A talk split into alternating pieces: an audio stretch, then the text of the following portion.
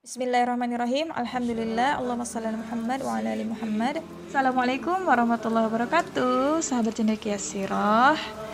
Kembali lagi lagi kembali di channel cendekia sirah. Nah, alhamdulillah hari ini kita akan bahas tentang resume kisah Sumayyah binti Khabat atau ada yang menyebutkan juga Sumayyah binti Khayyat ya teman-teman. Ya, jadi ada yang menyebutkan Khabat ataupun Khayyat.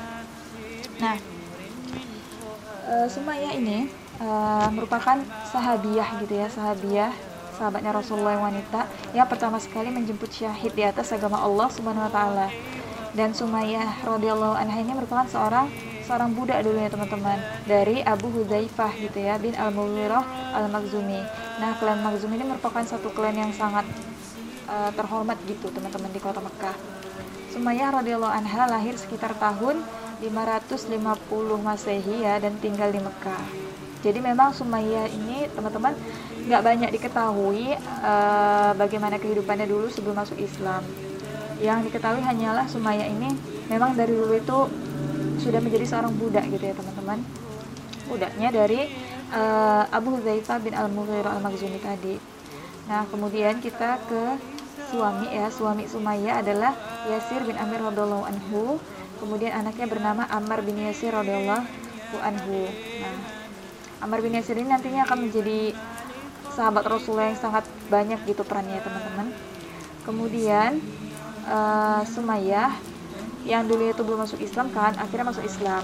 Nah, yang membuat Sumayyah masuk Islam ini adalah ketika anaknya Ammar bin Yasir ini telah telah mendapat hidayah duluan teman-teman. Jadi Ammar bin Yasir ini masuk Islam duluan gitu ya, diam-diam uh, ketemu sama Rasulullah gitu mendengarkan dakwah Rasulullah.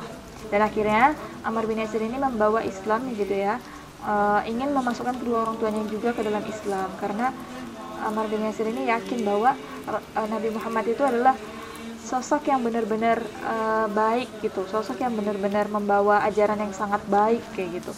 Nah akhirnya Amr bin Yasir ini pulang ke rumah kemudian mengajak orang tuanya masuk Islam. Diceritakan Amr lah bagaimana uh, ajaran yang dibawa oleh Nabi Muhammad SAW. Akhirnya Yasir dan Sumayyah pun terketuk juga teman-teman dan akhirnya masuk ke dalam Islam. Karena Islam ini merupakan agama yang rahmatan lil alamin gitu teman-teman. Dan Sumayyah ini merasa bahwa selama ini Sumayyah ini berpikir manusia itu ya ada dua gitu. Kalau nggak jadi tuan ya jadi budak kayak gitu. Padahal di mata Islam semua manusia itu sama gitu kan teman-teman. Yang membedakan hanyalah derajat ketakwaannya saja jadi mendengar ajaran agama yang begitu baik gitu ya Sumayyah akhirnya masuk masuk Islam. Dan Sumayyah radhiyallahu anha merupakan sahabat yang ketujuh ya teman-teman. Sahabat yang ketujuh masuk ke dalam ke dalam Islam. Jadi masih sedikit waktu itu ya bisa dihitung jari gitu sahabat-sahabat Rasulullah yang masuk ke dalam Islam di awal-awal.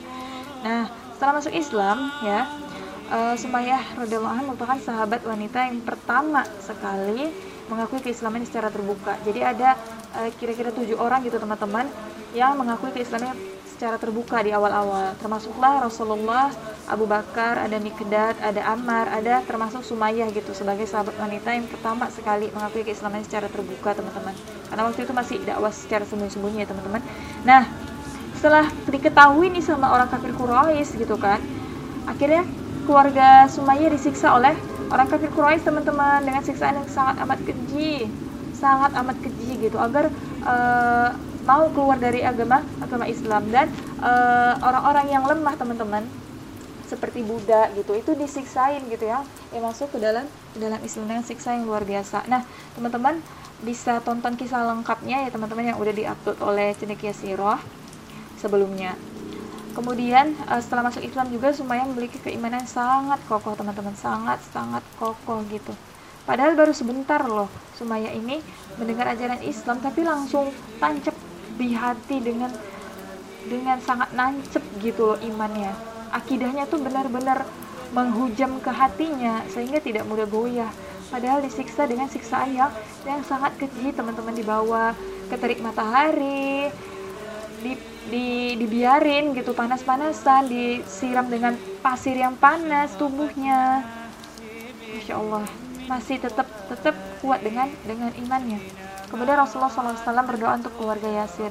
Bersabarlah wahai keluarga Yasir karena sesungguhnya tempat kembali kalian adalah surga nah, mendengar ini semuanya menjadi tenang teman-teman ya.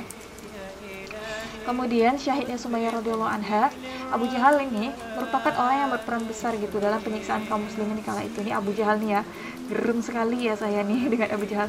Merupakan orang yang berperan besar dalam penyiksaan kaum muslimin kala itu. Jadi seperti Abu Jahal ini mengumpulkan gitu orang-orang kafir Quraisy untuk menyiksa orang-orang orang-orang yang lemah gitu yang masuk ke dalam Islam yang gak ada punya tempat perlindungan gitu teman-teman terutama budak-budak ya teman-teman nah Abu Jahal kemudian ya karena nggak berhasil berhasil nih bikin Sumayyah keluar dari Islam Abu Jahal itu menusukkan sangkur menusukkan sangkurnya teman-teman sangkur itu semacam tombak kepada Sumayyah teman-teman yaitu di di organ kehormatannya teman-teman di organ vitalnya ya teman-teman.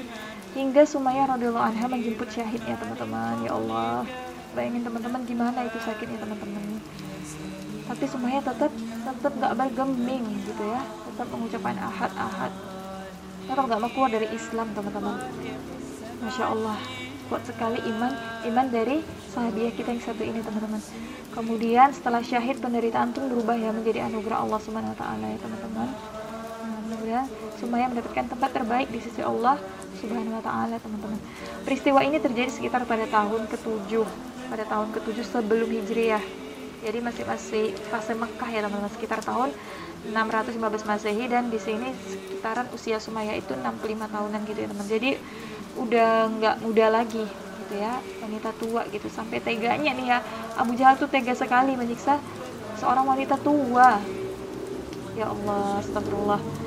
Mudah-mudahan kita bisa mengambil hikmah ya teman-teman dari kisah kisah sahabiah kita yang satu ini bahwa kita harus tetap teguh dengan keimanan kita apa pun yang terjadi. Jangan goyah di mana pun kita berada teman-teman di mana pun lingkungan kita.